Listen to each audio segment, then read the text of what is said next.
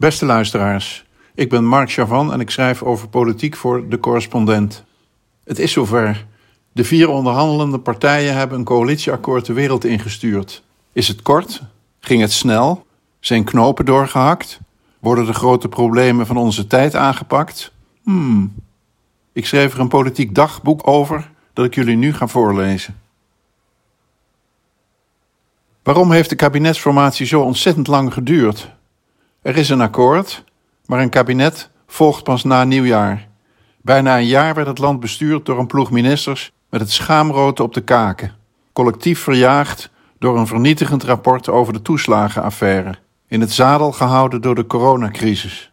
Daarom heeft het zo extra lang geduurd, terwijl snelheid geboden was om het goed te maken en om de strijd tegen de pandemie met gezag te leiden. Maar kennelijk was al die ruzie en verkettertijd nodig om de collectieve schuld af te spoelen. In de ogen van de hoofdrolspelers dan, want voor burgers lukt dat pas als er geleverd wordt. En dat is alweer bezig de volgende ramp te worden.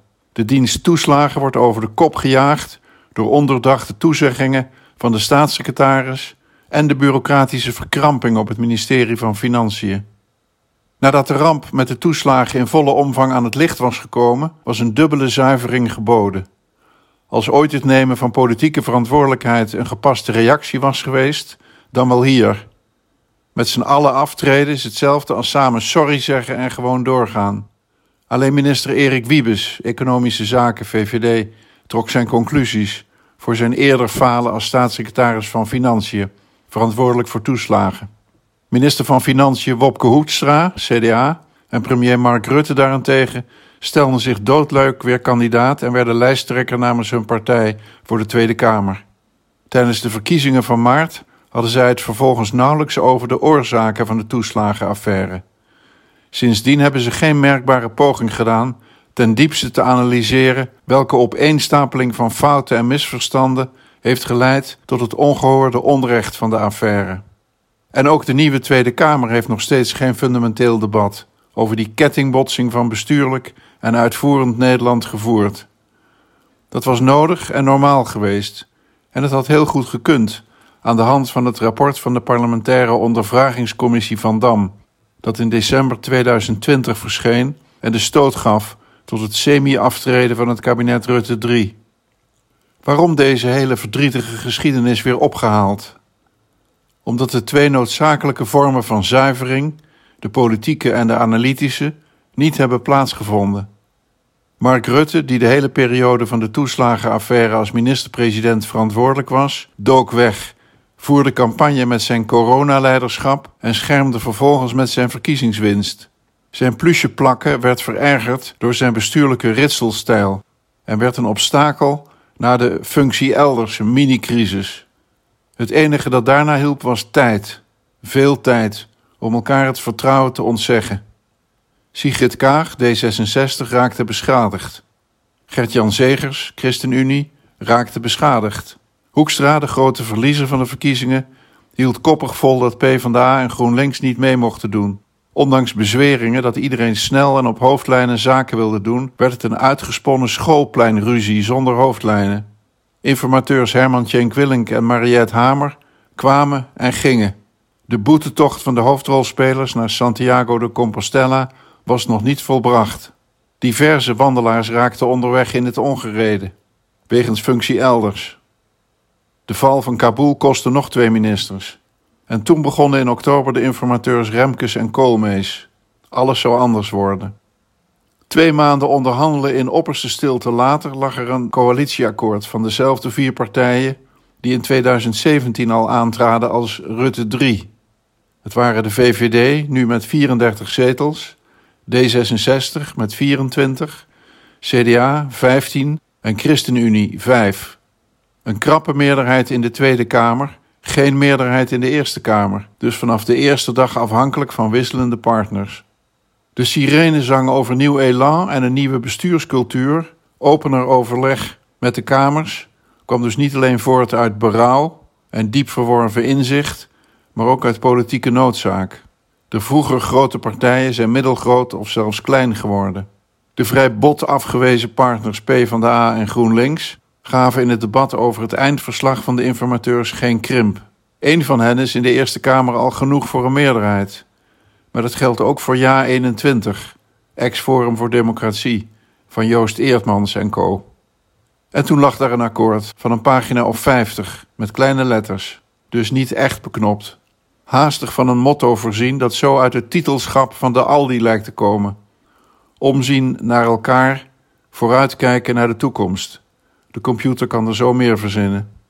Bedoeld was het sociale en het vernieuwende karakter van wat de vier hebben afgesproken te onderstrepen. Wie met droge ogen door de plannen kijkt, vindt dat inderdaad terug. Er staan zelfs zoveel groene en sociale punten in dat het voor GroenLinks en PvdA en SP nog lastig was het oppositioneel te demonteren. Jesse Klaver, GroenLinks, en Lilian Marijnissen, SP, concentreerden zich in het Kamerdebat over het coalitieakkoord op bezuinigingen in de zorg. Hoe kan je dat nou doen? Ze lieten zich niet overtuigen door de coalitieredenering dat het ging om een afbuiging van de doorgaande groei van de zorguitgaven op lange termijn. Dit ging om 2052. Deze kabinetsperiode komt er nog ruim 9 miljard bij.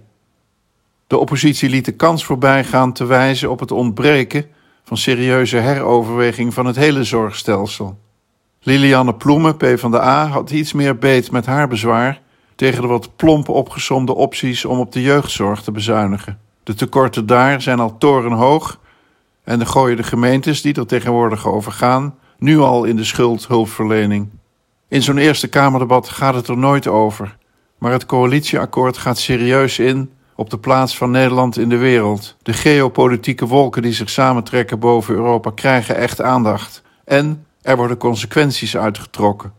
Eindelijk wordt erkend dat onder Rutte 1, 2 en 3 de defensie verwaarloosd is en toegedekt met ambitieuze praatjes, terwijl de krijgsmacht qua bemensing en materieel in elkaar zakte.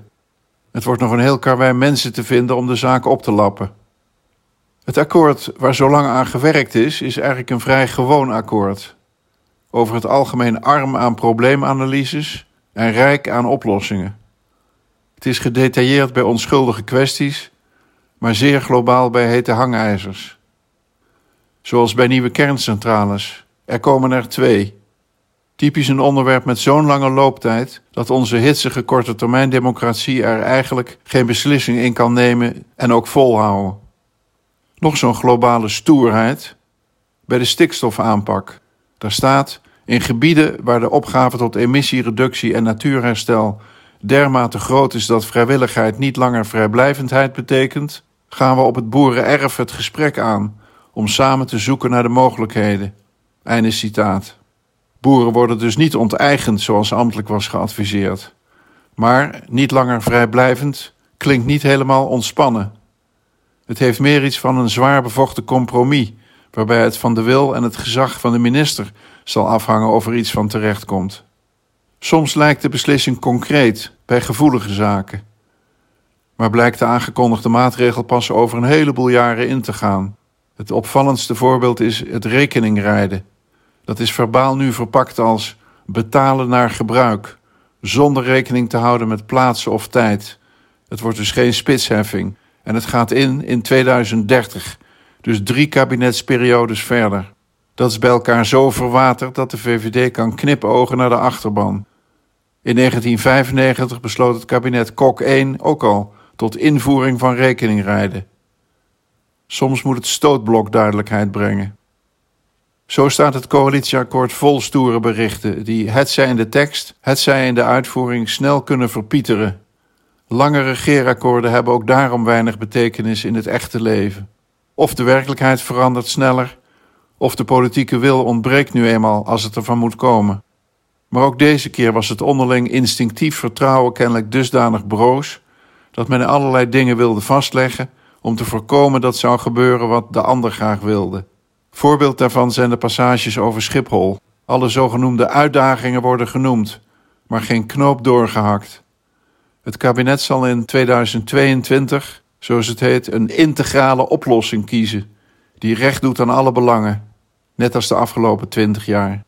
En die miljardenfondsen voor klimaat en onderwijs dan, net als bij de eerdere 8,5 miljard euro voor onderwijs? Je kan geen leerkrachten aanstellen van eenmalig verstrekt geld als je de nieuwe docenten al überhaupt kan vinden. En je kan geen gebouwen isoleren en er zonnepanelen opleggen als er onvoldoende monteurs te vinden zijn. Maar een heleboel kan ook wel lukken, zoals Nederland nu ook elektrificeert. Ook concreet, zo te zien, de veel bekritiseerde verhuurdersheffing wordt afgeschaft. De woningbouwcorporaties zouden daardoor de middelen moeten overhouden om 450.000 woningen te bouwen tot 2030 en 1 miljoen huizen te verduurzamen. Dat staat er ferm. Even monumentaal ontbreekt de maatregel die de Nederlandse bank met klem aanraadt om de overkokende huizenmarkt te blussen, afschaffen van de hypotheekrenteaftrek. De VVD laat zijn kiezers niet in de steek. Eén mogelijk addertje. Het kabinet wil flink gebruik maken van Europese coronasteun, in ruil waarvoor de Europese Commissie hervormingen verlangt. Daarbij wordt meer dan eens genoemd het schraffen van diezelfde hypotheekrenteaftrek. Een veelzeggend detail. Corona, de grootste gezondheidscrisis die ieder van ons heeft meegemaakt, wordt in het voorbijgaan een paar keer genoemd. We moeten er lessen uit trekken, maar welke blijft vrij vaag. De pandemische paraatheid moet vergroot. Goed plan. Werken in de zorg moet aantrekkelijker worden gemaakt. Maar de bescheiden salarisverhoging die al is gegeven, is ook meteen de laatste. En dat zal niet genoeg zijn. Wat wel concreet wordt aangepakt, specialisten komen in loondienst als ze niet meewerken. Categorie rekeningrijden. Maar hoe de coronacrisis een vergrootglas heeft gelegd op de zorg, van preventie tot en met de intensive care, het staat er niet in. Opnieuw, het wachten is op een minister die de verbanden wel legt. En het broodnodige gesprek over de bureaucratische vermarkting van de zorg op het erf op gang brengt. Opvallend is dat de meeste royale gebaren in dit coalitieakkoord worden gedaan op gebieden waar de VVD de afgelopen tien jaar op de rem heeft gestaan. Denk aan klimaat, afschaffen leenstelsel voor studenten. Of sterk heeft bezuinigd. Denk aan defensie, rechtsbescherming, cultuur. Rutte 4 maakt dus goed wat 1 en 2 kapot hebben gemaakt. De VVD is een wendbare bestuurspartij. De levenskansen van het nieuwe kabinet zijn niet met zekerheid te schatten. De coalitie heeft zo lang zitten knutselen dat voor het ergste gevreesd moet worden. De vooruitzichten zijn ook niet goed afgaande op de ervaring. Carla van Balen, parlementair historicus aan de Radboud Universiteit, schetste in trouw drie wetmatigheden. De eerste is: als het over rechts kan, dan gebeurt dat. Rechtser kon in de ogen van VVD en CDA niet, omdat de samenwerking met de PVV tijdens Rutte 1 hun niet goed is bevallen. Maar daarom hielden de twee samenwerking met PvdA en GroenLinks dus af. Wetmatigheid nummer 2. Een doorstart kabinet haalt zelden ongeschonden de eindstreep. En wetmatigheid 3. De bestuurscultuur veranderen is moeilijk vol te houden. Op dat laatste punt zal de oppositie terug blijven komen, zoals ook al gebeurde in het debat over het coalitieakkoord. Het zal ook zeker een thema zijn bij het debat in januari met het nieuwe kabinet over het eigenlijke regeerakkoord. Wie ziet hoe Rutte en Wiebes buiten het zicht van de Kamer en de pers hebben gemanipuleerd om de gemeente Zeewolde een enorm datacenter van Facebook op hun dak te schuiven, moet niet al te veel van de nieuwe culturele instincten verwachten. Ironisch genoeg stemde de Raad van Zeewolde voor de komst van Facebook op de avond van het eerste debat met Rutte 4 in wording over een coalitieakkoord waar letterlijk in staat: hyperscale datacentra leggen een onevenredig groot beslag op de beschikbare duurzame energie. En een ander citaat: landelijke regie en toelatingscriteria worden aangescherpt. Maar dus niet in het geval van Zeewolde. Beslist positief is de Europese paragraaf. Weg is het remmen en afdingen van de laatste jaren. Nederland wil een actieve rol gaan spelen en Europa helpen op eigen benen te gaan staan. Mooi voor Kaag.